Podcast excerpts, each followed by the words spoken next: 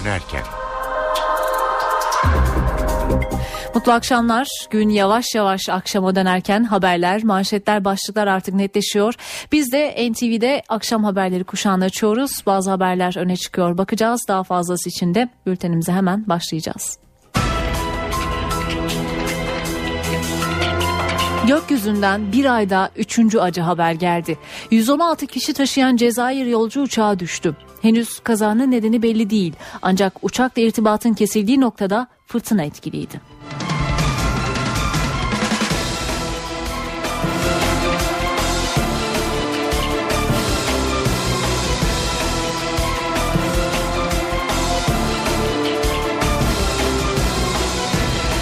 Emniyetteki paralel olarak nitelenen yapıya dönük operasyonda gözaltı sayısı 114'e yükseldi. 22 zanlı ise savcılık sorgusu için adliyeye sevk edildi. Son bilgileri canlı bağlantıyla aktaracağız. İsrail cami ve hastanelerin ardından şimdi de Birleşmiş Milletler'e ait bir okulu hedef aldı. Gazze'de ölü sayısı her saat artıyor. Son verilere göre İsrail bombardımanında hayatını kaybedenlerin sayısı 750'yi geçti. Kentteki insani dramı Can Ertun'a aktaracak. Marmara'da sıcak havanın ardından kuvvetli yağmur geldi. İstanbul'da yağmur göz açtırmadı. Yer yer dolu yağdı. Balıket, Balıkesir'de ise hortum çıktı. Enflasyon tahmini değişmedi. Merkez Bankası yıl sonu enflasyon öngörüsünü %7,6'da tuttu. 5 günlük bayram tatili öncesinde trafikte denetimler artırıldı. Emniyet Genel Müdürlüğü bayram süresince havadan ve karadan izlemeler yapacak. Gündemden satır başlarını aktardık. NTV Radyo'da eve dönerken haberler başlıyor.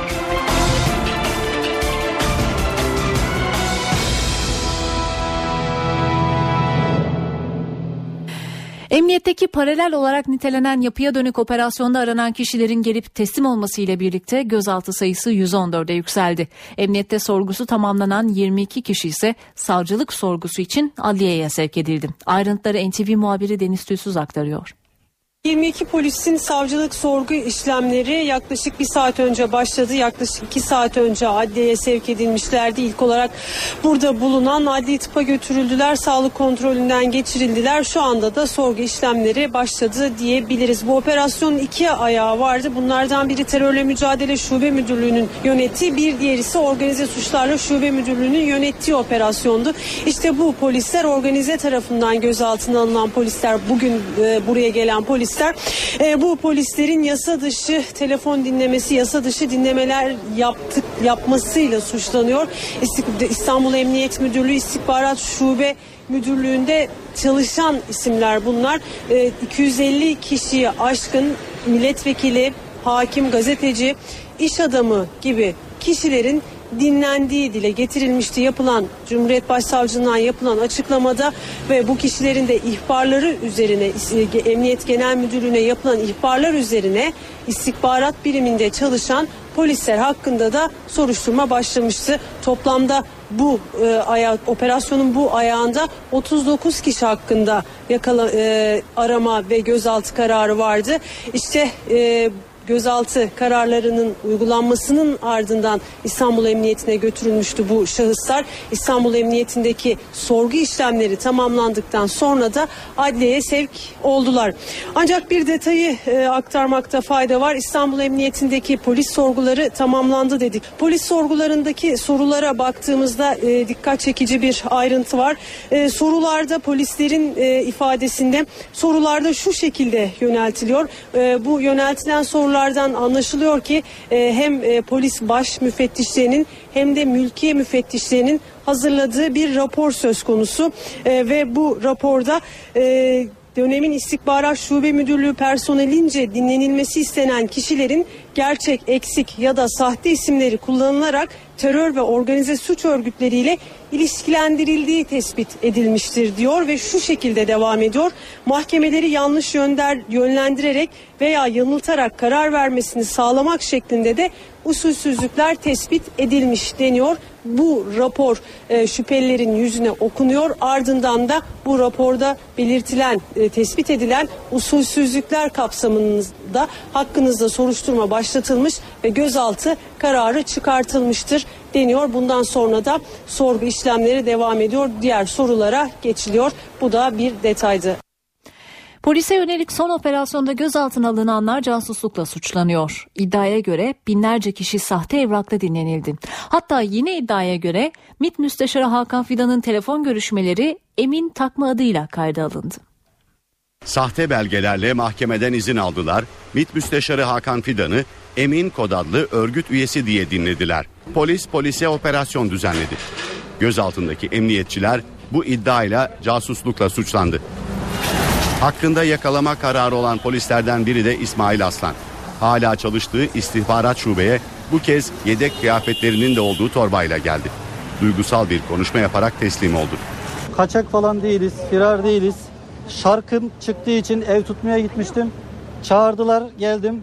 Namusumuz, şerefimiz, gururla taşıdığımız kelepçeyi biraz da bileğimize takalım, burada taşıyalım istiyoruz. Devletim takıyor, başım gözüm üstüne. İddiaya göre İstanbul Terörle Mücadele ekipleri Selam Tevhid Örgütü adı altında bir soruşturma başlattı. Dinlenenlerden biri de MİT Müsteşarı Hakan Fidan'dı. Ancak bunun için mahkemeden Fidan'ın ismiyle izin alınmadı. Emin kod adı verildi. İddialardan biri de MİT Müsteşarlığı'nın internet hattının izlenmesi.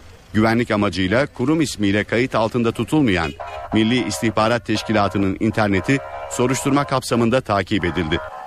Gözaltına alınan polislere Müsteşar Hakan Fidan ve MIT internet verilerini neden izleyip kaydettikleri soruldu. Polislere yöneltilen sorular arasında verileri nerede depoladıkları ve kimlere ulaştırdıkları da vardı. Gözaltındaki emniyetçilerin çok sayıda kişiyi de uyuşturucu satıcısı, kaçakçı oldukları iddiasıyla mahkeme kararıyla dinledikleri öne sürüldü. Dinlenenler arasında TÜBİTAK'ın üst düzey kriptoloji uzmanları da olduğu iddia edildi. Gözaltına alınan polislerin aileleri de İstanbul Emniyet Müdürlüğü'nün karşısında kamp kurdu. Aileler operasyonu protesto etti. Emniyette paralel olarak adlandırılan yapıya dönük gerçekleştirilen operasyona muhalefet tepkili. MHP lideri operasyonlar dönüp dolaşıp kendinde düğümlenecek dedi. Bahçeli Fethullah Gülen'e de Türkiye'ye dönmesi için çağrıda bulundu.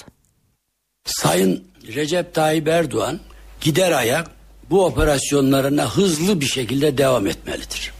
Bu devam sonucunda operasyonlar dolanıp dolaşıp kendisinde düğümlenecektir. Özellikle Pensilvanya'ya buradan sesleniyorum. Sayın Fethullah Gülen Bey, Türkiye'ye geliniz. 12 yıllık AKP iktidarının 10 yılını yüzleşeceğinizi ifade ediniz. Her şeyi karşılıklı görüşelim, açıklayalım. Bakalım ben geldiğimde sen nereye kaçacaksın diye sorması lazım. CHP Grup Başkan Vekili Akif Hamza Çebi de operasyonu eleştirdi. Hamza Çebi polislerin 17 Aralık operasyonunun üzerine örtmek için gözaltına alındığını savundu. Bu operasyon 17 ve 25 Aralık yolsuzluk soruşturması operasyonunu sıfırlama operasyonudur. Cumhuriyet Halk Partisi yasa dışı dinlemelere koruma kalkanı olmaz.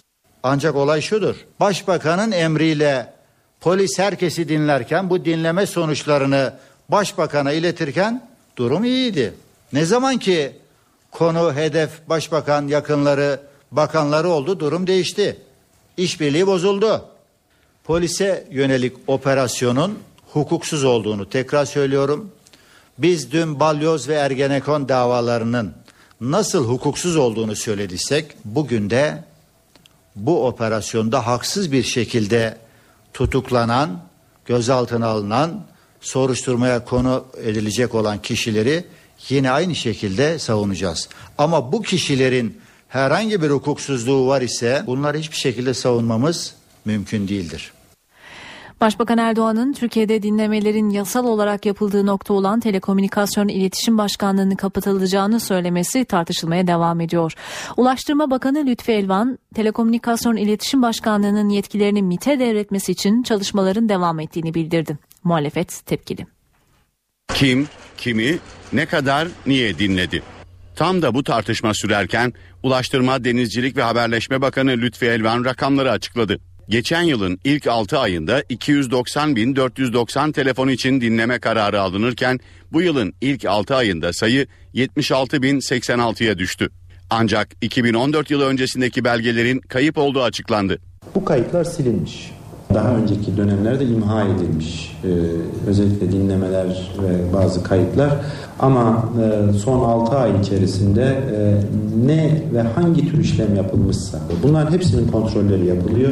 Kaybolan ses kayıtları ile ilgili açılan soruşturma sürerken Başbakan Recep Tayyip Erdoğan tip kapanacak, yetkileri MIT'e devredilecek dedi.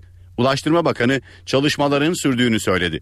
TİB'in e, kapatılmasına yönelik e, Sayın Başbakanımız bu konuda bir açıklama yaptı. Biz bir çalışma yapıyoruz. Zaman içerisinde e, bu çalışmayı e, sizlerle paylaşırız diye düşünüyorum. Muhalefet ise tepkili. Tayyip Erdoğan diyor ki TİB'i MIT'e devredeceğiz. Hoş geldin el muhaberat. TİB'in bütün uygulamalarını denetim dışına çıkarmak istiyor.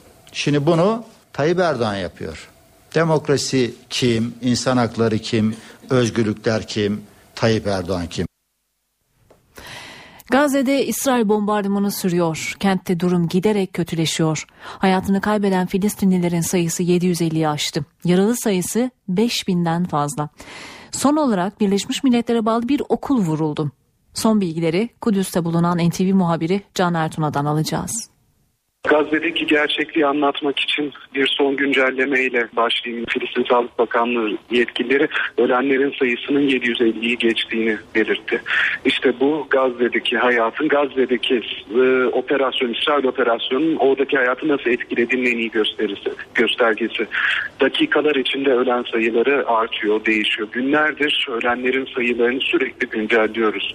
E, istatistikler olarak yansıyor, rakamlar olarak yansıyor. Onların görüntüleri görüntülerini sık sık yansıtmaya çalışıyoruz. Ancak orada her düşen bomba yeni bir ailenin parçalanması anlamına geliyor. E, yeni hayatların sönmesi anlamına geliyor. Çok sayıda çocuk, e, en büyük mağduru çocuklar. Neredeyse hayatını kaybedenlerin dörtte biri çocuklar. Bütün aileler çok kalabalık orada. Bu saldırının en büyük kurbanını da çocuklar oluşturuyor. Çok fazla cansız çocuk e, bedeni de gördük bu süreç içinde. Yaralananlar 5000'i geçmiş durumda yaralananların sayısı onların arasında da çok sayıda sayıda çocuk var. Gazze'de e, Gazze'nin geleceği de yetip gidiyor bu anlamda. Gazze'liler nereye sığınacaklar? Gazze'liler İsrail uyarmıştı e, kendinize güvenli bir yer bulun diye. E, bu güvenli yer meselesi çok büyük bir sorun çünkü Gazze'liler Gazze'yi terk edemiyor. Birleşmiş Milletler okullarına sığınmışlardı. Birleşmiş Milletler okullarından birisi bugün hedef oldu. Ondan fazla kişi Beytan'ındaki Birleşmiş Milletler okuluna sığındı. Bunlar hayatını kaybetti. Bunlar zaten savaştan çatışmadan kaçanlardı.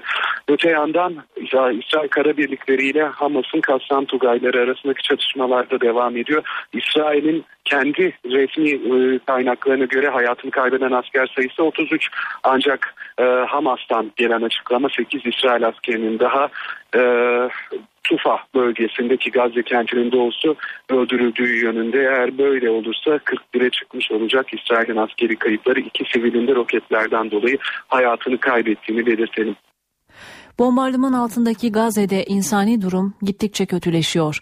Birleşmiş Milletler İnsani Yardım Koordinatörü Valerie Amos kentte artık su ve gıda sıkıntısı baş gösterdiğini söyledi. Well, of course, some kind of ceasefire and stop bir çeşit ateşkes ya da şiddetin durması hayati önemde. Kötüleşen insani durumdan çok endişeliyiz. Birleşmiş Milletler okullarında 118 binden fazla insan var. Artık okullar eğitim için kullanılmıyor. İnsanlar gıda sıkıntısı çekiyor. Su da ayrıca bir endişe kaynağı. Gazze'nin %44'ünde Filistinliler yok artık. Evlerini terk ettiler. Durum korkunç. Birleşmiş Milletler İnsani Yardım Koordinatörü Valeri Amos, Gazze'deki durumu bu sözlerle özetledi.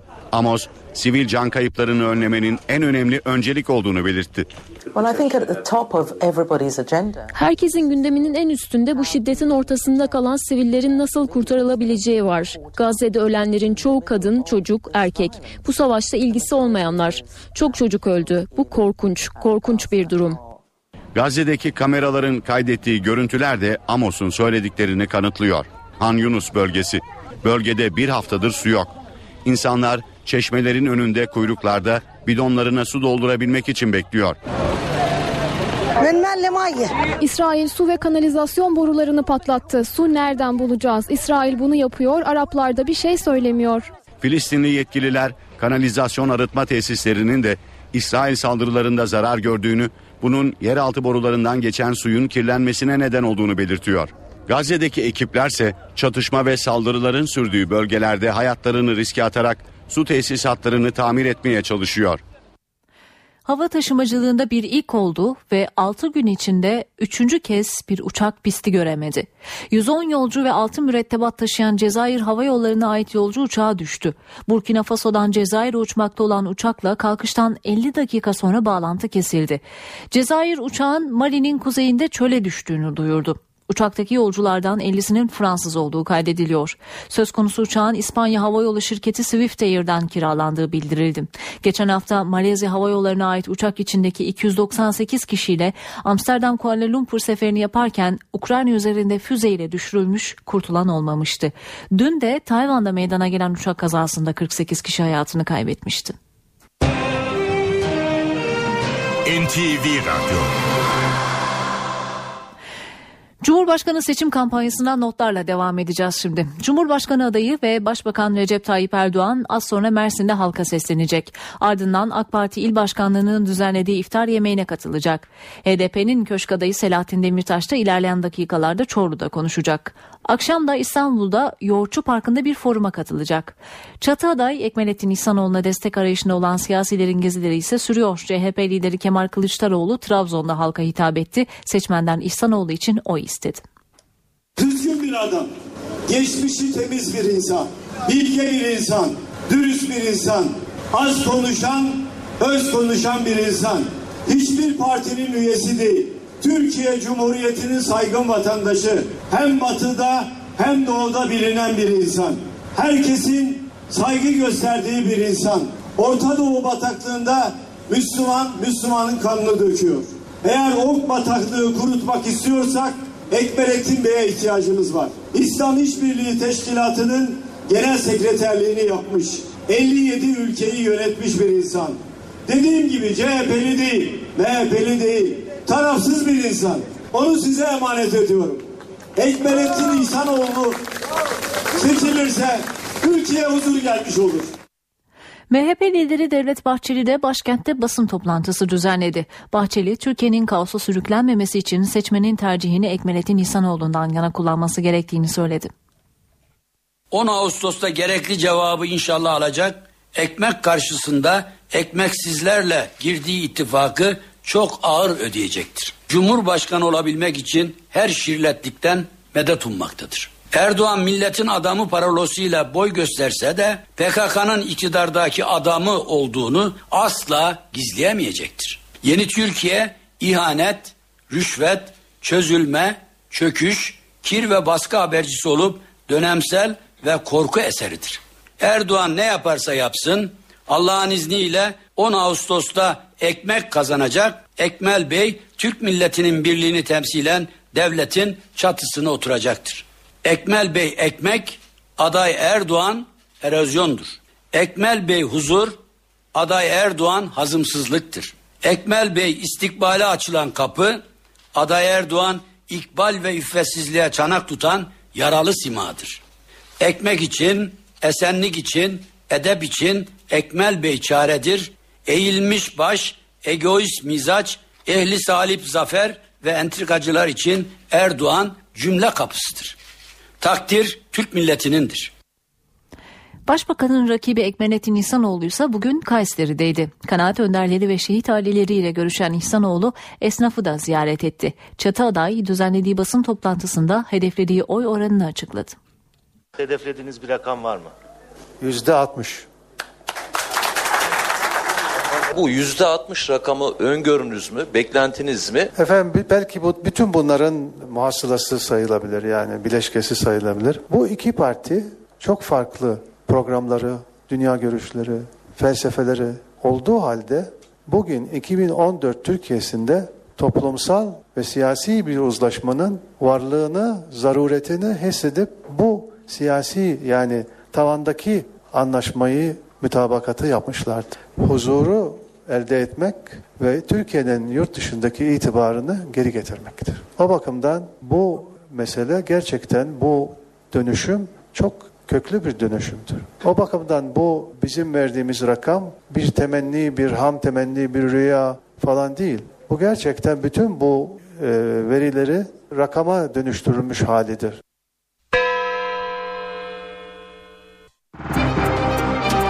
Para ve sermaye piyasalarından notları paylaşalım. Borsa İstanbul şu sıralarda 83.908 seviyesinde.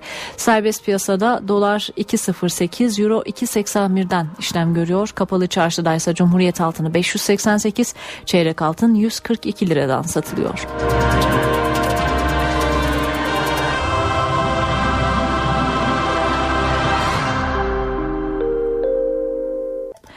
İstanbul yollarındaki durumu aktaracağız. Trafikteki son durumu paylaşacağız sizlerle. E5'ten Avrupa yakasından başlayalım. Çoban Çeşme civarında Şirinevlere kadar süren hafif bir yoğunluk söz konusu ama trafik kilitli diyemeyiz bu noktada. Trafiğin yoğunlaştığı nokta Haliç girişi. Ee, özellikle Merter sonrası Topkapı'dan sonra başlayan hafif bir yoğunluk gitgide yoğunlaşıyor, sıkılaşıyor ve köprü trafiği Haliç üzerinde başlıyor diyebiliriz. Köprü girişine kadar bu trafik köprü üzerinde şu an için akıcılık söz konusu. Tersi yönde de Anadolu'dan Avrupa'ya geçişte Boğaziçi Köprüsü şu an için rahat görünüyor. Gişeler öncesi hafif bir yoğunluk söz konusu. Tem'e bakacak olursak eğer Tem'de Avrupa'dan Anadolu'ya geçişte trafik Kemerburgaz ayrımından başlıyor. Köprü üzerinde ve çıkışta bir süre boyunca devam ediyor. Kavacık Hisar bölgeleri civarına kadar. Tersi yönde Anadolu'dan Avrupa'ya geçişte Fatih Sultan Mehmet Köprüsü'nü kullanacak sürücüler için yoğunluk var diyemeyiz ama akış hafifçe yavaşlıyor. Ee, yine tem üzerinde Avrupa yakasında da şu an için akıcılık hüküm sürüyor. Saat başında haberlerimizi aktarmayı sürdüreceğiz. NTV Radyo'nun yayını Ben Bu İşte Ustayım programıyla devam edecek. Eve dönerken devam ediyor. Saat 18 NTV Radyo'da eve dönerken haberler sürüyor. Günün öne çıkan haberlerinden satır başlarını hatırlayacağız. Emniyetteki paralel olarak nitelenen yapıya dönük operasyonda gözaltı sayısı 114'e yükseldi. 22 zanlı ise savcılık sorgusu için adliyeye sevk edildi.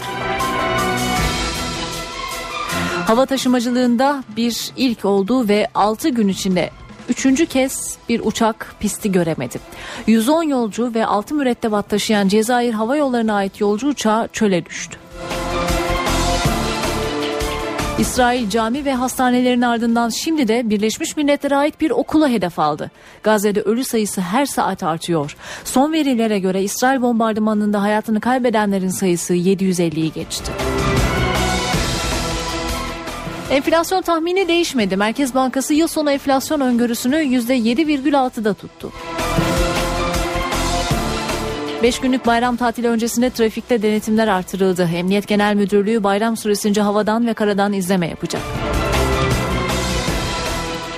Ukrayna'da yeni Başbakan Arsen Yatsenyuk sürpriz bir şekilde parlamentoya istifasını sundu.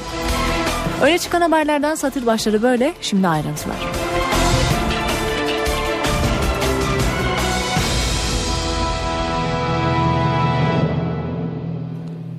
Emniyetteki paralel olarak nitelenen yapıya dönük operasyonda aranan kişilerin gelip teslim olmasıyla birlikte gözaltı sayısı 114'e yükseldi. Emniyette sorgusu tamamlanan 22 kişi ise savcılık ifadesi için adliyede. Ayrıntılar NTV muhabiri Deniz Tüysüz'de. Toplamda 115 kişi hakkında gözaltı kararı vardı. 114 kişi gözaltına alındı. 22 kişi de bugün emniyetteki sorgu işlemlerinin tamamlamasının ardından adliyeye sevk edildi. Onlar için de savcılık süreci yaklaşık 3 saat önce başlamış oldu. Operasyonun iki ayağı vardı. Bunlardan birincisinin terörle mücadele, ikincisini ise organize suçlarla mücadele şube müdürlüğü yürütüyordu.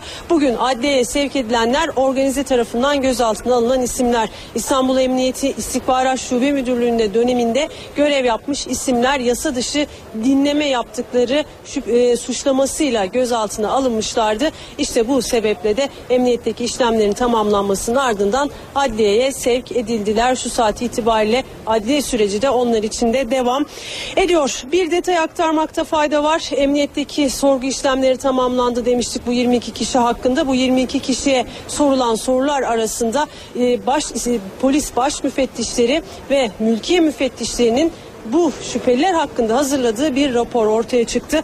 Bu raporda dönemin istihbarat şube müdürlüğü personelince dinlenmesi istenilen kişilerin gerçek eksik ya da sahte isimleri kullanılarak terör ve organize suç örgütleriyle ilişkilendirildiği tespiti yer aldı ve mahkemeleri yanlış yönlendirerek veya yanıltarak karar vermesini sağlamak şeklinde usulsüzlükler tespit edilmiştir. Cümlesi de bulunuyor bu raporda. İşte emniyet sorgusu e, sırasında şüphelilerin yüzlerine okundu. Bu raporun neticesinde hakkınızda soruşturma başlatılmıştır ve gözaltı kararı alınmıştır diyerek diğer sorulara geçildiği anlaşıldı. Tutanaklardan gördüğümüz kadarıyla avukatlardan aldığımız sabah saatlerinden bu yana hem emniyette hem de adliyede biraz önce de aktardığımız gibi hareketlilik vardı. E, emniyetteki e, isimlerin ifadeleri devam ediyor. Şu anda emniyet sorguları devam ediyor. Onların da emniyet sorguları bittikten sonra adliye sevkleri başlanıyor. Bugün akşam ya da yarın yine sevklerin olması öngörülüyor İstanbul Adalet Sarayı'na. Emniyette paralel olarak adlandırılan yapıya dönük gerçekleştirilen operasyona muhalefet tepkili. MHP lideri operasyonlar dönüp dolaşıp kendinde düğümlenecek dedi. Bahçeli Fethullah Gülen'e de Türkiye'ye dönmesi için çağrıda bulundu. Sayın Recep Tayyip Erdoğan gider ayak bu operasyonlarına hızlı bir şekilde devam etmelidir.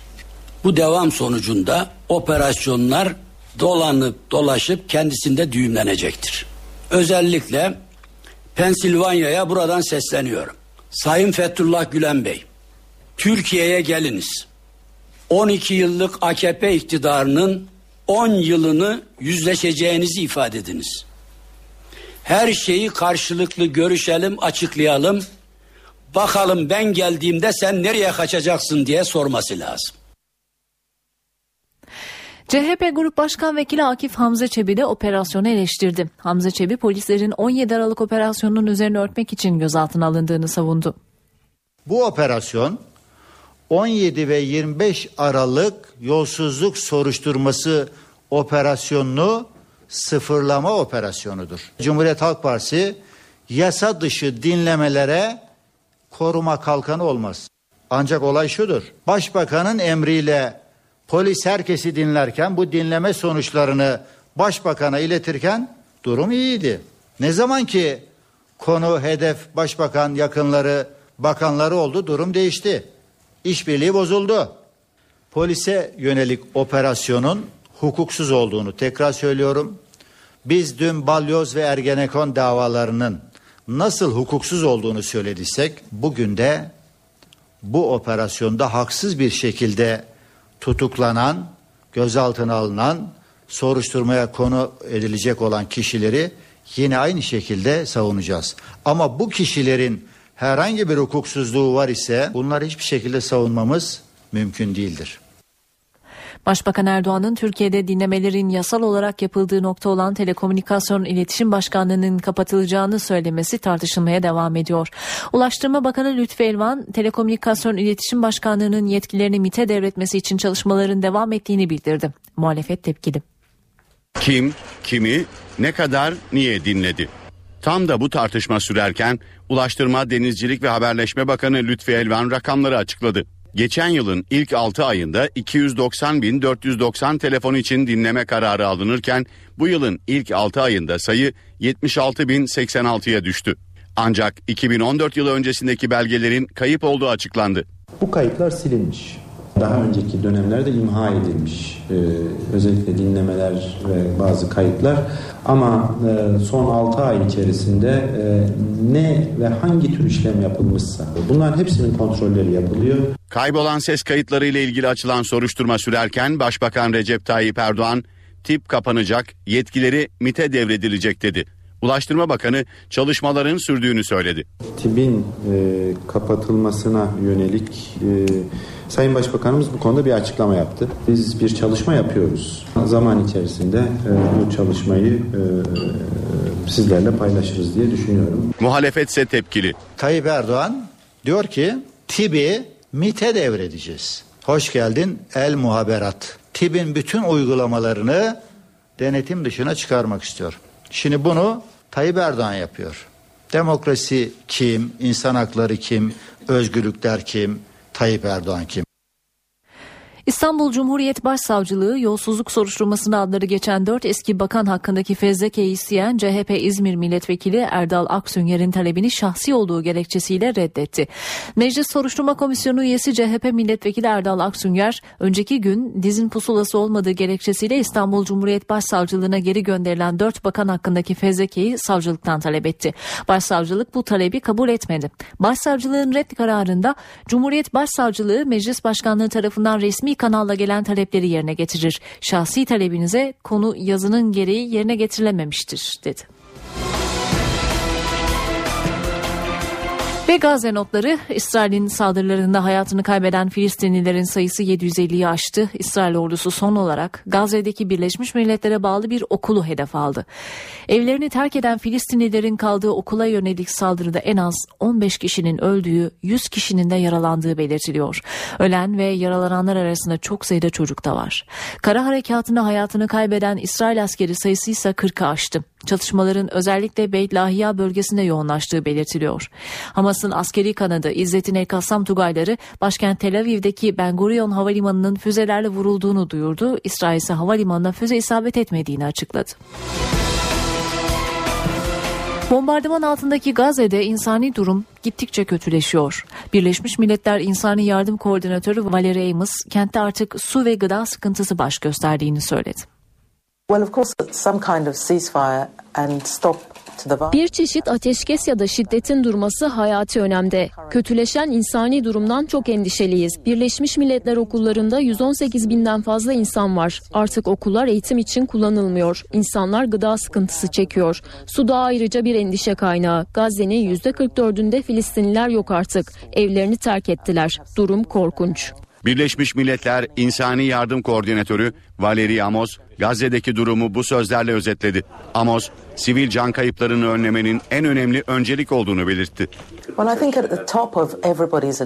Herkesin gündeminin en üstünde bu şiddetin ortasında kalan sivillerin nasıl kurtarılabileceği var. Gazze'de ölenlerin çoğu kadın, çocuk, erkek. Bu savaşta ilgisi olmayanlar. Çok çocuk öldü. Bu korkunç, korkunç bir durum.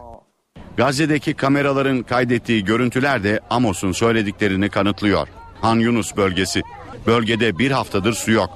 İnsanlar çeşmelerin önünde kuyruklarda bidonlarına su doldurabilmek için bekliyor.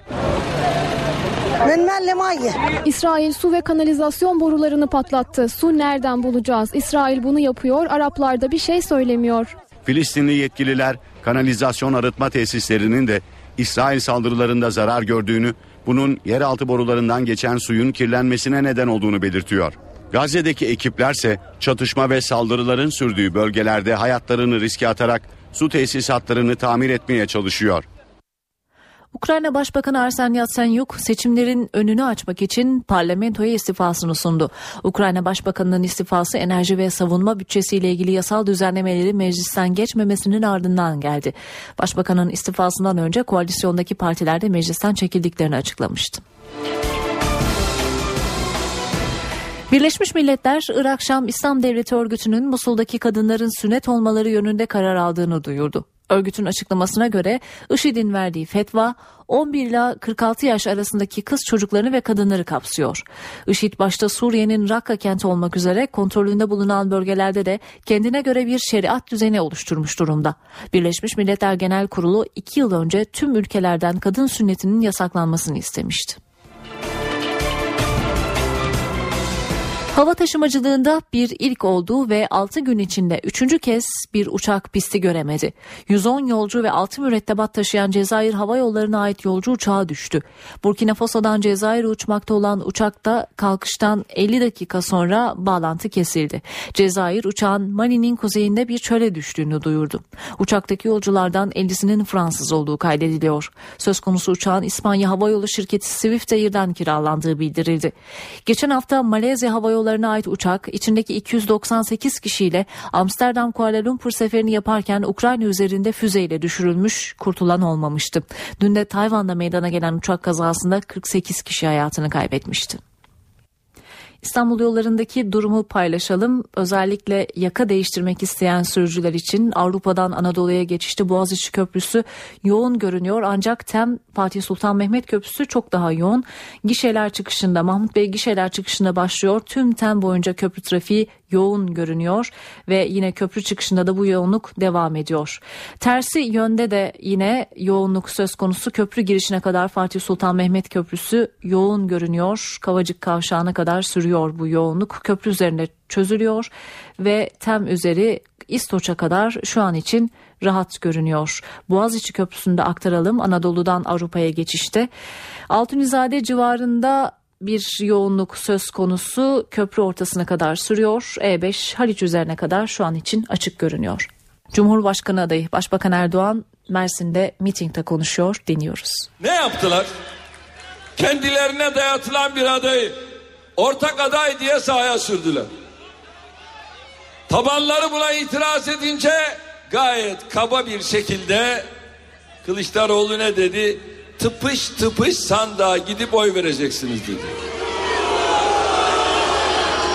Ben şimdi Mersin'de CHP'ye gönül vermiş kardeşlerime samimi bir soru soruyorum. CHP'nin kendi içinden çıkaracağı bir adayı yok muydu? 91 yaşında olduğunu iddia eden Cumhuriyet Halk Partisi milletvekilleri içinden teşkilatı içinden bir aday bulamadı mı?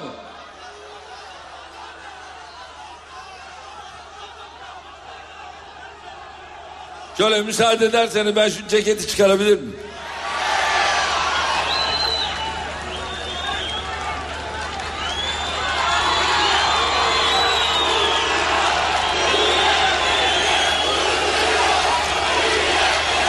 Biz sizlerle gurur duyuyoruz. CHP Genel Müdürü aylarca Bahçeli ile beraber Cumhurbaşkanı adayının sıfatlarını saydılar. Dürüst olacak dediler. Yalan söylemeyecek dediler. Sicili temiz olacak dediler. Hırsızlık yapmamış olacak dediler.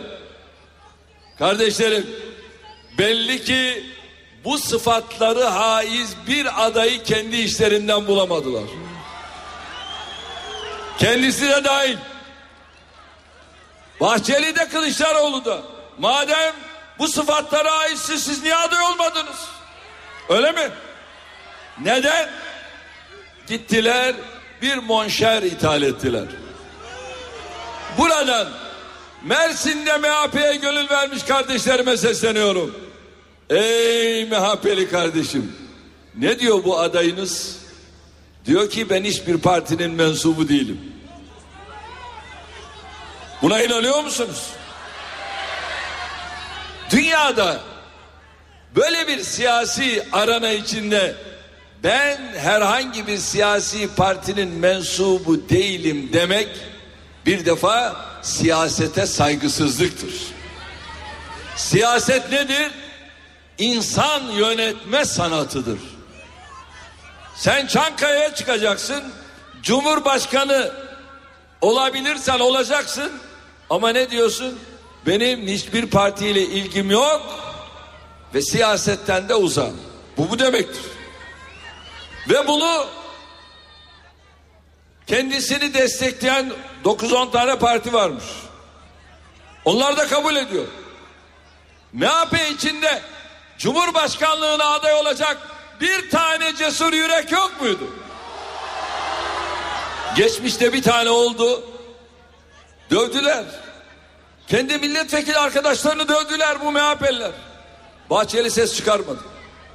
Koskoca MHP teşkilatı içinde bir tane aday yok muydu? Bu MHP yönetimi kendi içinden aday çıkaramadı. Talimatlara boyun eğdi. Kendisine verilen emri yerine getirdi. Kendisine dayatılan adayın arkasına saklandı. Bu kadar da değil. Bu aday ne diyor? Beni şu kadar parti, bu kadar parti destekliyor diyor. Kardeşlerim, Türkiye'de şu anda irili ufaklı 80 tane parti var. Bunların büyük bir çoğunluğunu zaten kimse tanımıyor. Birçoğu seçimlere bile giremiyor.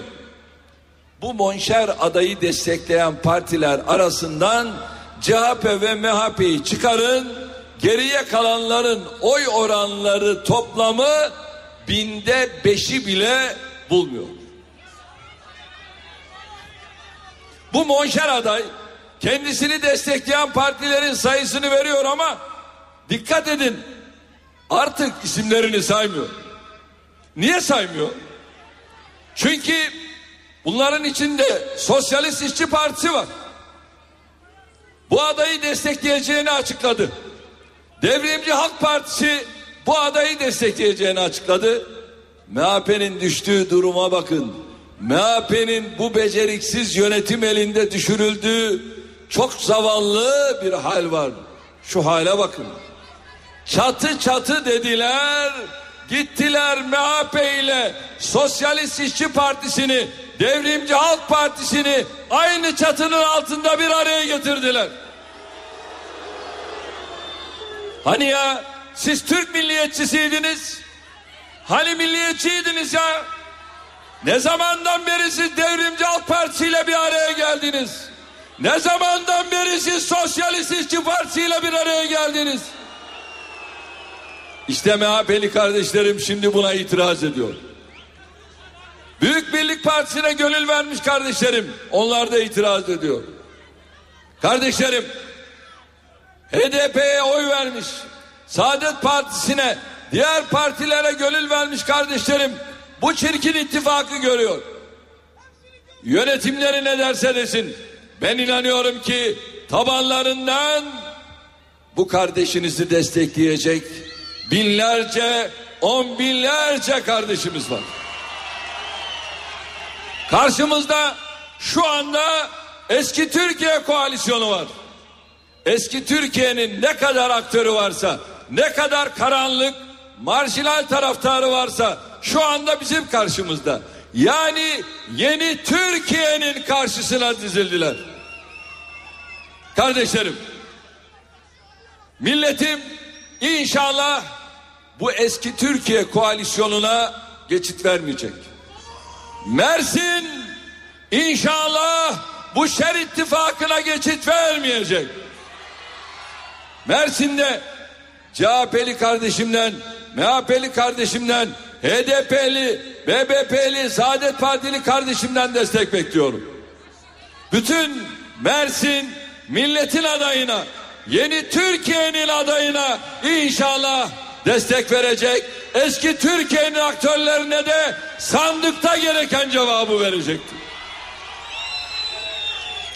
Mersin buna hazır mıyız? Yeni Türkiye'ye hazır mıyız Mersin? Büyük Türkiye'ye, öncü Türkiye'ye hazır mıyız Mersin?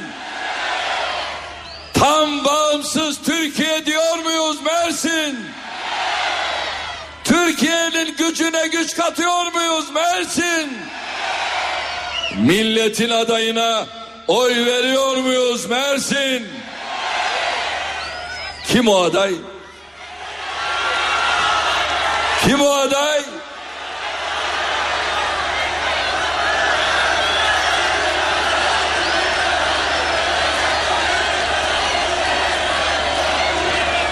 Maşallah. Barakallah.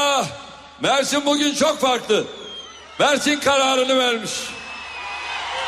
Mersin inşallah 10 Ağustos'ta sandıkları patlatmaya hazır bunu görüyorum. Rabbim hepinizden razı olsun. Kardeşlerim Mersin'e gelip de buradan Kuzey Kıbrıs Türk Cumhuriyeti'ne selam göndermemek olmaz. Buradan Lefkoşa'yı selamlıyorum. Buradan Gazi Magosa'yı selamlıyorum. Buradan Mersin'den Girne Güzel Yurt'u selamlıyorum. Dip Karpaz'ı selamlıyorum. Kıbrıs Barış Harekatı'nın 40. yıl dönümünün de kutlu olmasını diliyorum. 12 yıldır daha önce hiç olmadığı kadar Kıbrıslı kardeşlerimizin yanında olduk. Onların yanında duran bir Türkiye var. İşte şu anda Mersin'den Kıbrıs'a su götürmek için çok büyük bir proje devam ediyor. İnşallah bu proje öyle zannediyorum ki Eylül gibi bitecek. Ve denizin altından şu anda borular inşa ediliyor, diziliyor. Kıbrıs davasını en güçlü şekilde savunuyoruz. Bakın Güney Kıbrıs'a tankerlerle su geliyor. Ama Kuzey Kıbrıs artık inşallah denizin altından o döşenen borularla suyu biz nasıl su içiyorsak onlar da aynı suyu içecek. Kardeşliğimizin gereği bu. Ve Kuzey Kıbrıs'ta barajlar yapıldı. Ve şimdi artık Kuzey Kıbrıs'ın su sıkıntısı olmayacak. Hatta hatta isterlerse Güney Kıbrıs'a da su verebiliriz ha. Çünkü veren el alan elden üstündür. Biz bunu biliyoruz. Kardeşlerim biz Suriye'deki mazlumlarla ilgileniyoruz diye muhalefet partileri rahatsız oluyorlar. Irak'taki mazlumlarla ilgilendiğimiz için rahatsız oluyorlar. Filistin'le ilgilendiğimiz için, Gazze ile ilgilendiğimiz için sesimizi yükseltiyoruz diye bunlar rahatsız oluyorlar. Şimdi çıkmışlar CHP, MHP, onların monşer adayları bizi sadece Arap halklarına destek vermekle itham ediyorlar. Neymiş? Türkmenleri unutuyormuşuz. Elinize dilinize dursun be. Irkçılık bu ırkçılık. Mazlumun rengi olur mu? Mağdurun rengi olur mu? Mazlumun dininin, mezhebinin, dilinin, derisinin renginin ne önemi var? Bunlar deve kuşu gibi başlarını kuma gömmüşler, kendileri karanlık içinde kalmışlar, dünyayı da karanlık zannediyorlar. Bakın 12 yıllık iktidarımız sürecince bütün mazlumlara el uzattık. Myanmar'dan, Açe'den, Somali'ye, Afrika ülkelerine kadar kimin ihtiyacı varsa elimizi uzatıyoruz. Bunu yaparken Türk kardeşlerimizi, Türkmen kardeşlerimizi, akraba toplulukları unutmuyor. Onlarla daha da yoğun ilgileniyoruz. Yunanistan'da, Bulgaristan'da, Almanya, Fransa, ta Amerika'da, ta Avustralya'da vatandaşlarımızı, akrabalarımızı gittik, bulduk, onlarla ilgilendik. Bazı Türk topluluklarına tarihte ilk kez başbakan olarak ziyareti biz gerçekleştirdik. Etiyopya'da Türkleri bulduk, ilgilendik. Kırım'da Türklere el uzattık. Onlara evler yaptık, okullar yaptık, camiler yaptık. Bizden önceki MHP iktidarı sen acaba Kırım'a ne yaptın söyle bakayım. Ne yaptın? Ama biz yaptık. Türkmenler Türkmenler diyorlar. Sen Suriye'deki Türkmenlere ne yaptın? Irak'taki Türkmenlere ne yaptın? Ama biz bak Suriye'deki Türkmenlere biliyorsunuz istihbarat teşkilatımızın tırları giderken ne yazık ki savcısıyla birlikte ne yazık ki güvenlik güçleriyle birlikte el koymaya kalktılar. Kanunsuz bir işlem yaptılar. Ve bu kanunsuz işlemi hala savunan dal kavuk yandaş medya var. Paralel medya var. Çünkü onlar Türkmen kardeşlerimize bu yardımın gitmesini istemiyorlardı. Onları kendi başlarına bırakmak istiyorlardı. Ama biz buna rağmen gönderdik. Bak çok açık söylüyorum. Biz Türkmen kardeşlerimizi madden, manen destekledik, desteklemeye devam ediyoruz. Aslında MHP'nin içerisindeki bazı milletvekili arkadaşlar da neler yaptığımızı çok iyi biliyorlar. Ama dürüst davranmıyorlar. Samimi davranmıyorlar. Kalkıp bu hükümet oradaki Türkmenlere şu yardımları yapıyor demiyorlar. Kardeşlerim aynı şekildeki Irak'taki Türkmen kardeşlerimizin büyük ölçüde ihtiyaçlarını karşılamanın hep gayreti içindeyiz. Hala devam ediyoruz. Daha da devam edeceğiz. Şartlar normal değil. Anormal şartlara rağmen desteklerimizi sürdürüyoruz. TİKA adında bir kuruluşumuz vardı. Kendi içine kapanmıştı. Bürokrasiyle uğraşıyordu. TİKA'yı aldık, büyüttük, destekledik ve Türkiye'nin öncü gücü haline getirdik. Kızılay'ı, AFAD'ı Türkiye'nin öncü gücü yaptık. Diyanet İşleri Başkanlığımızda, Yurt dışı Türkler ve Akraba Topluluklar Başkanlığımızda, Türk Hava Yolları, Anadolu Ajansı, TRT ile dünyanın her köşesine ulaştık. Bizim ulaştığımız yerlere inanın ne MHP'nin ne CHP'nin ne diğerlerinin hayalleri bile ulaşamaz. Kardeşlerim MHP'nin iktidarda olduğu dönemde CHP'nin yavrusuyla beraber yaptıkları yardım dünyada neydi biliyor musunuz? 45 milyon dolar. 45 milyon dolar. Şimdi bizim yaptığımız ne biliyor musunuz? Üç buçuk milyar dolar. Neredeyse bire dokuz artırdık. Şimdi CHP Genel Müdürü çıkmış ne diyor?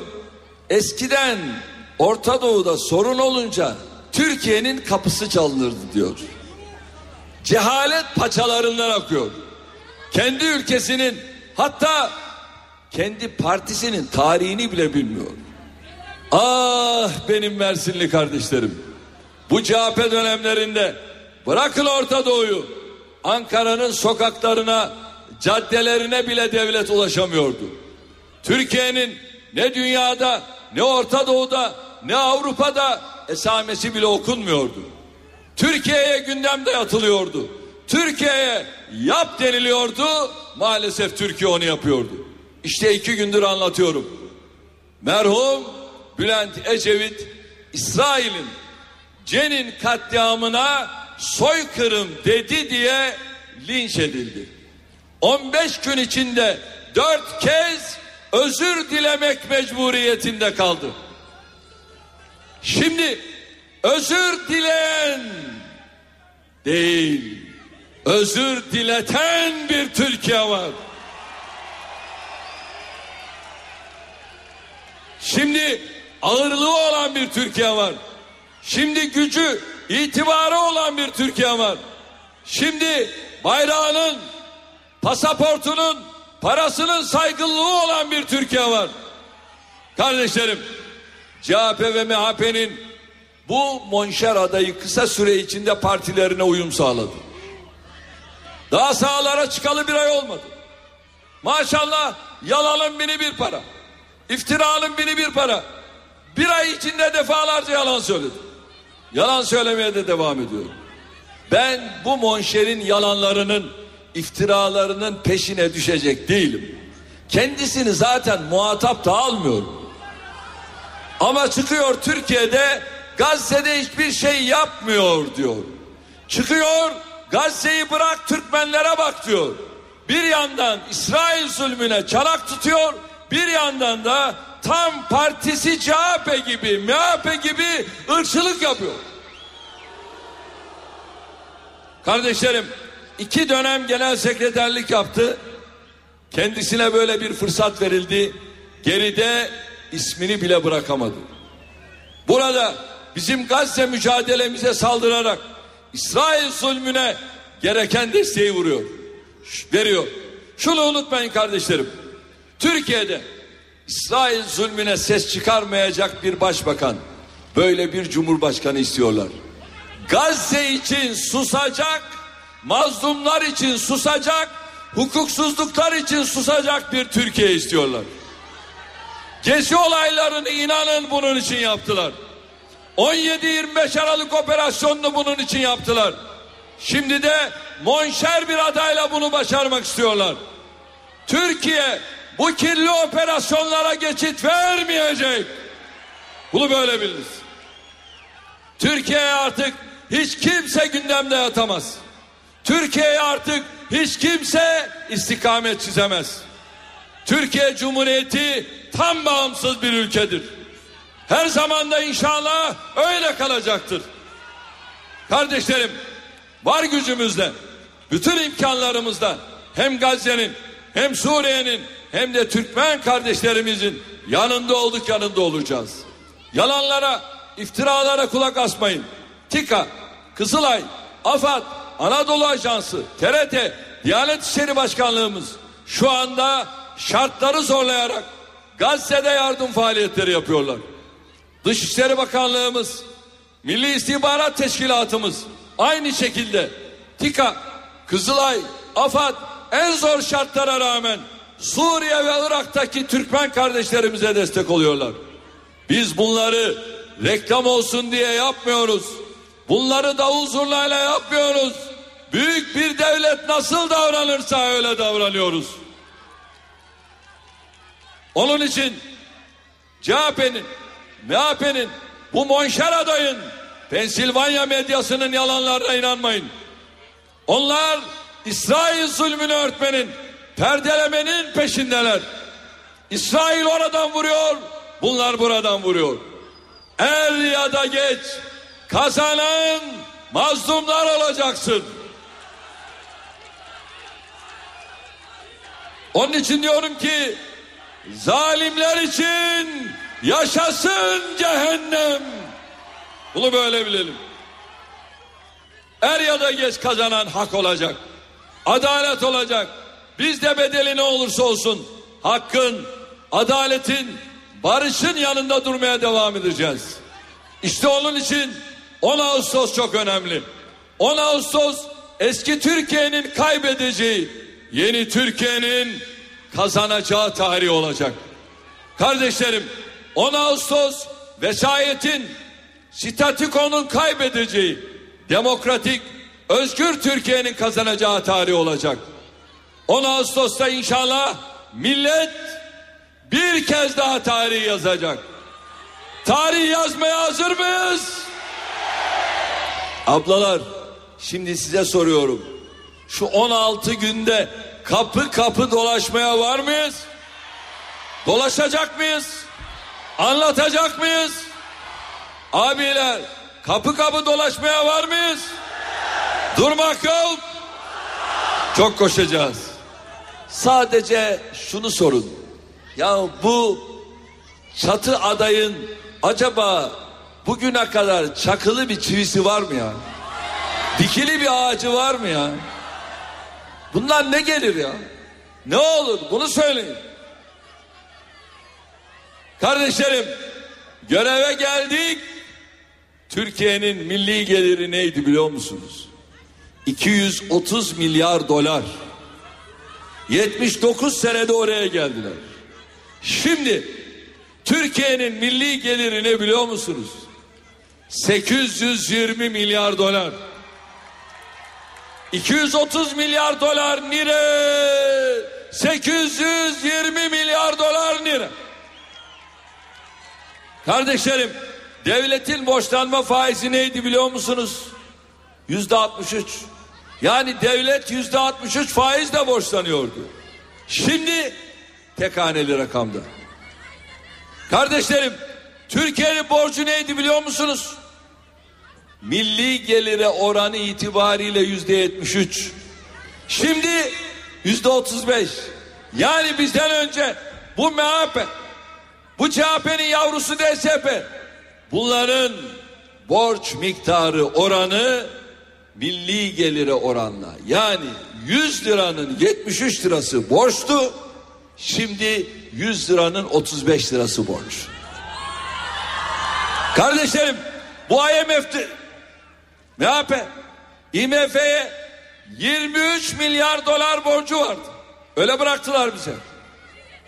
23 milyar doları biz geçen yıl sıfırladık mı? Sıfırladık mı? Şu anda IMF borcumuz var mı? Yok. Şimdi bizden onlar borç istiyor. 5 milyar dolar. Vereceğiz. Veren el alan elden üstündür. Ayrıca bunlar milliyetçiyiz diyorlar değil mi? Bunlar kafatası milliyetçisi. Bunlar devlet için, millet için, ülke için bir şey yapmadılar. Bakın millet bunlara bir fırsat verdi. Üç buçuk yıl iktidarda kaldılar, kaçıp gittiler. Beş yıllığına gelmişlerdi. Niye kaçıp gittin?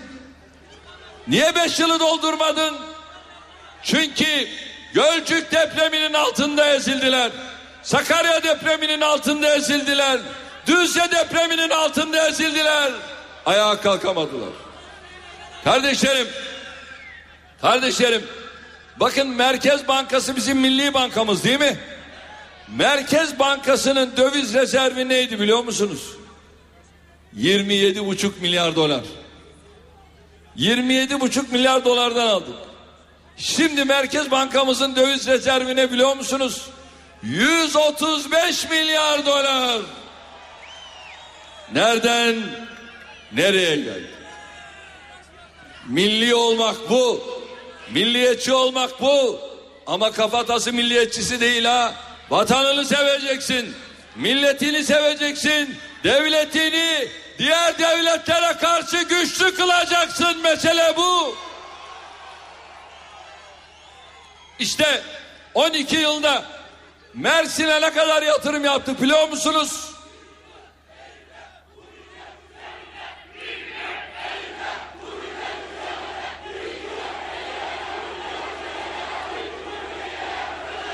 Kardeşlerim 12 yılda Mersin'e ne kadar yatırım yaptık biliyor musunuz? 11 katrilyon 11 katrilyon Ulaştırma ve haberleşmede bir buçuk katrilyon. Eğitimde bir katrilyon yüz trilyon. Orman ve su işlerinde 751 trilyon. Toplu konutta 633 trilyon.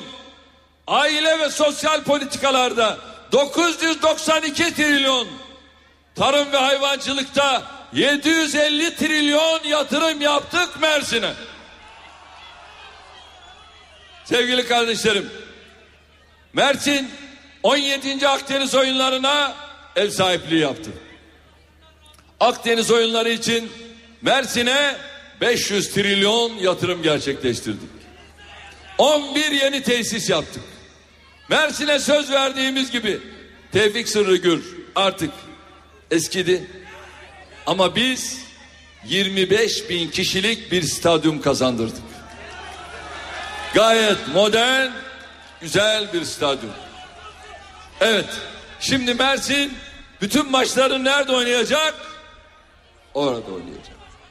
Bunun yanında Mersin'de Servet Tazegül Spor Salonu'nu, Akdeniz Oyunları Köyü'nü, jimnastik salonunu, tenis kortunu, atıcılık tesislerini, olimpik yüzme havuzunu hizmete aldık. Bakınız şu anda Türkiye'nin dört bir yanını yüksek hızlı demir yolu ağlarıyla örüyoruz. Karaman Konya hızlı tren projesinin yapımı devam ediyor. Bu hızlı tren hattı nereye gelecek biliyor musunuz? Mersin'e. Mersin'e. Mersin'le kalmayacak. Adana, Osmaniye, Gaziantep, Şanlıurfa ve Mardin'e kadar gidecek. Şimdi Mersin Limanı için Tırmıl'da bir yük merkezi yaptık. Bir lojistik merkez. Mersin'e, Yenice'ye Türkiye'nin en modern lojistik merkezlerinden birini kuruyoruz. Bitmiyor. Taşkent'e yapacağımız lojistik merkezinin şu anda projelerini hazırlıyoruz. Kardeşlerim, bu arada Çukurova bölgesel havalimanının inşaatı devam ediyor. Bu ara müteahhit firmanın bir takım kredi problemleri var. Bu nedenle inşasında bir aksama oldu. Ama firma sorunlarını çözüp vaat edilen sürede inşallah bu havalimanını bitirecek. İlk aşamada biliyorsunuz 15 milyon yolcu kapasitesine sahip olarak faaliyette olacak ama daha sonra bunu 30 milyona çıkaracağız. Kardeşlerim aynı şekilde Kazanlı bölgesinde hayata geçireceğimiz 10 bin yatak kapasiteli turizm bölgesiyle ilgili olarak kamulaştırma sorunları var. Bunları aşıp projemize başlayacağız.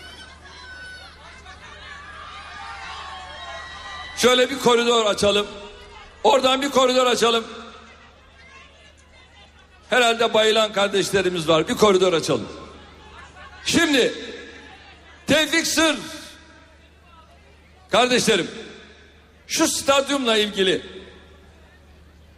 bazı dedikodular üretiyor muhalefet.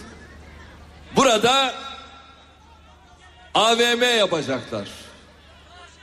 Kardeşlerim TOKİ'nin burayla ilgili henüz vermiş olduğu bir karar yok. Tabi bunların hayatı hep iftirayla geçmiş. Yalanla geçmiş. Takiyeyle geçmiş. Şimdi de burada böyle bir ifade kullanarak acaba biz AK Parti iktidarını nasıl zayıflatırız? Şurada bir yardımcı olalım. Hanımefendiye yardımcı olalım.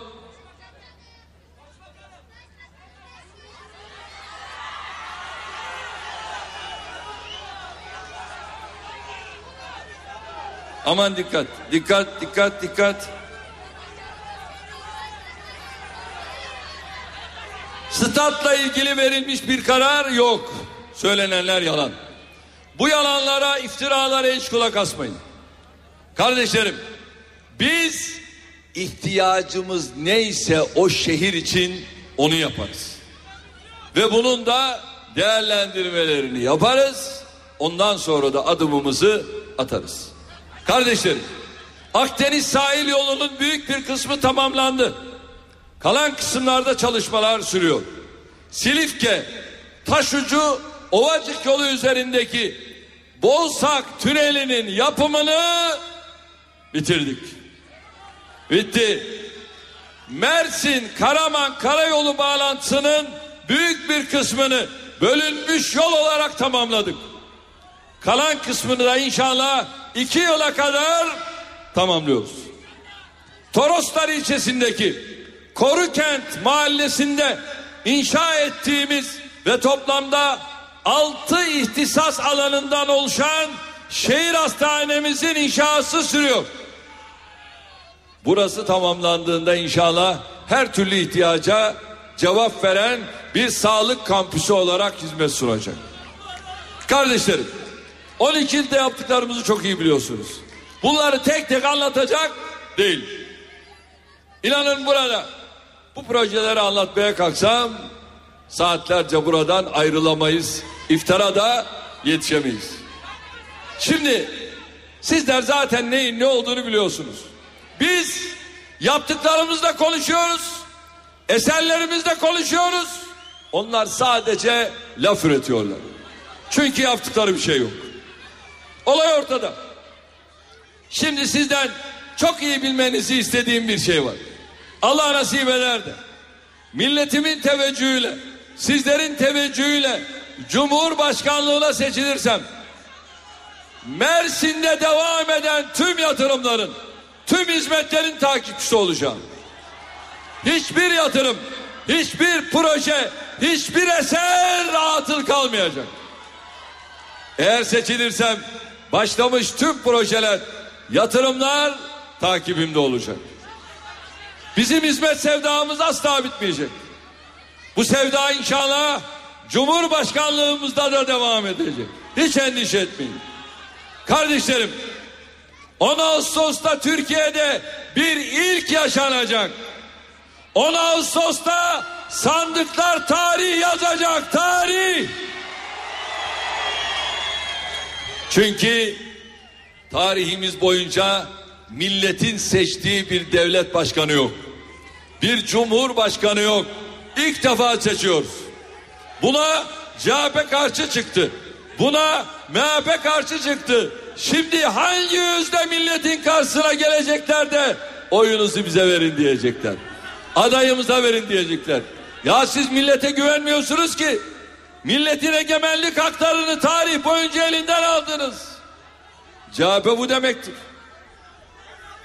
Onun için bütün şehirlerde yaptığımız gibi burada da Mersinli kardeşlerimden özellikle bir ricada bulunuyorum. Mutlaka sandığa gidin. Yeni Türkiye'nin kuruluşu için mutlaka oy pusulasına mührünüzü basın. Yarın çocuklarınıza, torunlarınıza anlatacak güzel bir hikayeniz olsun. 10 Ağustos'ta 2014'te tarih yazdık deyin.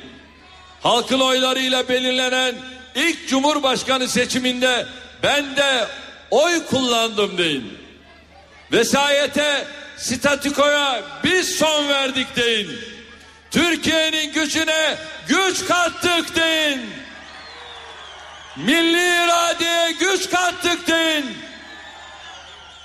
Kardeşlerim bu bakımdan 10 Ağustos seçimleri ülkemiz için, milletimiz için, demokrasimiz için hayırlara vesile olsun diyorum. Kardeşlerim bu arada Mersin milletvekilimiz eski ekonomi bakanımız Zafer Bey geçirdiği bir rahatsızlık sebebiyle yurt dışında ameliyatını oldu ve bugün yurda döndü ve kendisiyle ben de telefonla bir geçmiş olsun dileğinde bulundum. Onun da sizlere çok çok selamı var. Dualarınızı inşallah eksik etmeyin. Allah şifalar versin diyelim. Kardeşlerim burada bir şey söyleyeceğim. Afyon Karahisar'dan yola çıkarken bir şey söylemiştim. Mersin çok etlili bir yer. Öyle mi? Dolayısıyla yola çıktığımızda biz ne dedik? Tek millet dedik. Bu milletin içinde ne var? Türkü var, Kürdü var, Arabı var, Lazı var, Çerkezi var, Romanı var, Boşnağı var, Arnavudu var. Aklınıza ne gelirse hepsi var. Bütün bunlarla beraber tek millet. İki, tek bayrak. Bayrakları bayrak yapan üstündeki kandır, toprak eğer uğrunda ölen varsa vatandır. Bayrağımıza alternatif tanımıyoruz. Kim ki bayrağımıza alternatif aramaya kalkarsa, kim ki bayrağımıza alternatif çıkarmaya kalkarsa karşısında bizi bulur. Karşısında bizi bulur. Asla. Üç, tek vatan. 780 bin kilometre kareyle tek vatan. Batıda ne varsa doğuda güneydoğuda o olacak. Kuzeyde ne varsa güneyde olacak. Orta Anadolu'da ne varsa Akdeniz'de o olacak. Çünkü 780 bin kilometre karenin her metrekaresinden inşallah bir medeniyet, bir modernite bu çıkacak. Bu tırmanacak. Bunu göreceğiz. Bunu göstereceğiz. Adımız bu olacak. Yani Mersin'de ben ne görüyorsam Güneydoğu'ya gittiğim zaman da onu görmem lazım. İşte böyle bir Türkiye. Ve geliyorum dördüncüsüne tek devlet. Paralel devlet yok. Devletin içinde devlet yok. Sadece Türkiye Cumhuriyeti Devleti var. Şimdi bu paralel devletin aktörleri işte görüyorsunuz. Değil mi? Ortaya çıkmaya başladı. Başbakanı dinleyenler ortaya çıkmaya başladı. Bakanları dinleyenler ortaya çıkmaya başladı. Değerli kardeşlerim, uluslararası görüşmeleri dinleyenler ortaya çıkmaya başladı. Dışişleri Bakanlığı'ndaki toplantıda bakanımı ve ilgili arkadaşları dinleyenler ortaya çıkmaya başladı. Sonuna kadar devam edeceğiz. Bak tekrar ediyorum. Bunların okullarında çocuklarını okutanlar varsa alsın. Bunların dershanelerinde çocuklarını okutanlar varsa alsın. Sakın ha bunlara teslim etmeyin. Buna dikkat edin.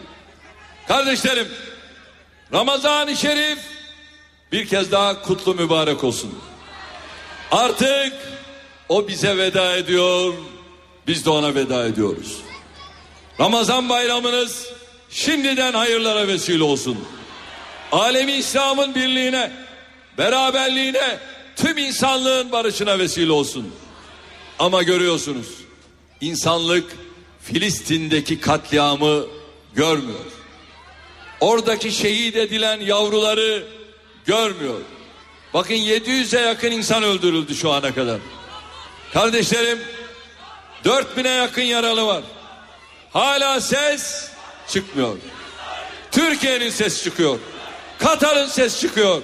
Güney Amerika'dan sesler çıkıyor. Ve şimdi Birleşmiş Milletler'de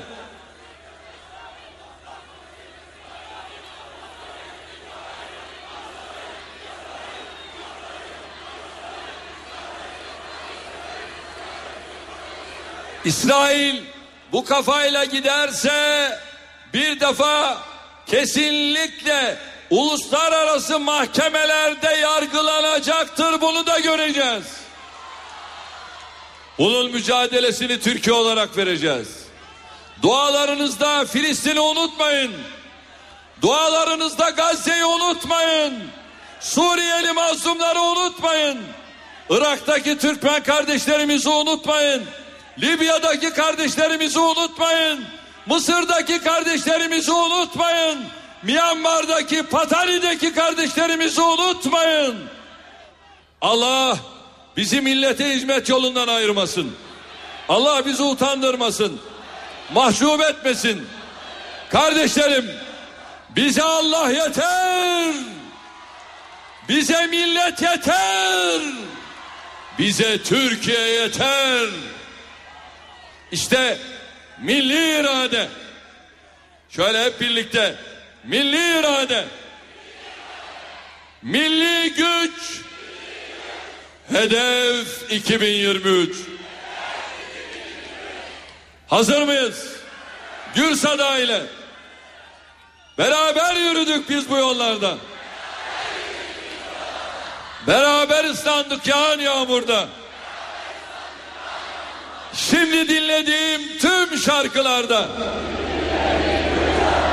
bana her şey Mersin'i hatırlatıyor.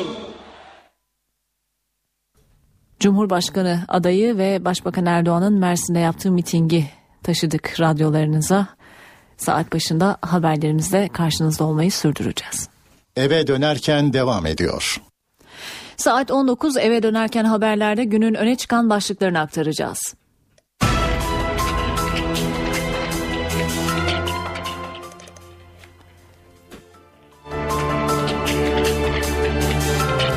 Cumhurbaşkanı adayı ve Başbakan Erdoğan Mersin'de halka seslendi. Erdoğan'ın gündeminde İsrail'in Gazze saldırısı vardı. Başbakan İsrail bu kafayla giderse uluslararası mahkemelerde yargılanacaktır. Bunu göreceğiz dedi. Erdoğan çatı aday Ekmelettin İhsanoğlu'nu da eleştirdi. Monşer aday çıkıyor Gazze'yi bırak Türkmenlere bak diyor. Tam partisi CHP MHP gibi ırkçılık yapıyor diye konuştu. Emniyette paralel yapı iddialarına ilişkin yürütülen soruşturmada gözaltına alınanların sayısı 114'e yükseldi. Bugün 6 polis teslim oldu, bir kişi ise aranıyor. Emniyetteki işlemleri tamamlanan 22 kişi adliyeye sevk edildi. Zanlılar 4 savcı tarafından sorgulanıyor. İsrail'in Gazze saldırılarında hayatını kaybeden Filistinlilerin sayısı 750'yi aştı. İsrail ordusu son olarak Gazze'deki Birleşmiş Milletler'e bağlı bir okulu hedef aldı. Evlerini terk eden Filistinlilerin kaldığı okula yönelik saldırıda en az 15 kişinin öldüğü, 200 kişinin de yaralandığı belirtiliyor. 116 kişi taşıyan Cezayir yolcu uçağı Mali'de düştü. Kazanın nedeni henüz belli değil ancak uçakla irtibatın kesildiği noktada fırtına etkiliydi. Meclis Genel Kurulu'nda görüşülen torba yasa tasarısına 23.004C'liye iş güvencesi getiren bir madde eklendi. Düzenlemeyle 4C'liler emekli olana kadar iş garantisine kavuşacak. Hatay'daki Gezi Parkı olaylarında başına gaz kapsülü isabet etmesi sonucu hayatını kaybeden Abdullah Cömert'le ilgili dava güvenlik gerekçesiyle Balıkesir'e alındı. Enflasyon tahmini değişmedi. Merkez Bankası yıl sonu enflasyon öngörüsünü %7,6'da tuttu. 5 günlük bayram tatili öncesinde trafikte denetimler artırıldı. Emniyet Genel Müdürlüğü bayram süresince havadan ve karadan izleme yapacak.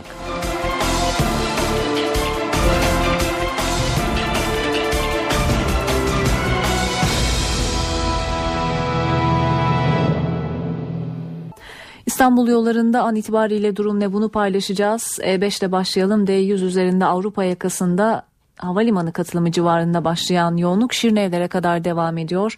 Daha sonra açık görünüyor Halice kadar Haliç'te başlayan köprü trafiği köprü çıkışına kadar Boğaziçi çıkışında Altunizade'ye kadar devam ediyor. Tersi yönde Boğaziçi Köprüsü trafiği Altunizade'den başlıyor. Köprü ortasında bu trafik çözülüyor. Haliç üzerinde yine yoğunlaşmalar var yer yer. Daha sonra Cevizli Bağ trafiği her zaman olduğu gibi sürücüleri bekliyor E5 üzerinde. Teme bakacak olursak eğer Mahmut Bey gişeler çıkışında Anadolu yönünde yoğunluk söz konusu. Bu yoğunluk Fatih Sultan Mehmet Köprüsü girişine kadar sürüyor. Köprü üzerinde ise çözülüyor bu yoğunluk. Tersi yöne, yönde Anadolu'dan Avrupa'ya geçişte Elmalı'da başlayan yoğunluk köprü girişine kadar hakim. Köprü çıkışı şu an için rahat görünüyor. Eve dönerken haberleri burada noktalıyoruz. NTV Radyo'da kısa bir aranın ardından Çift Forvet programı başlıyor. Hoşçakalın. NTV Radyo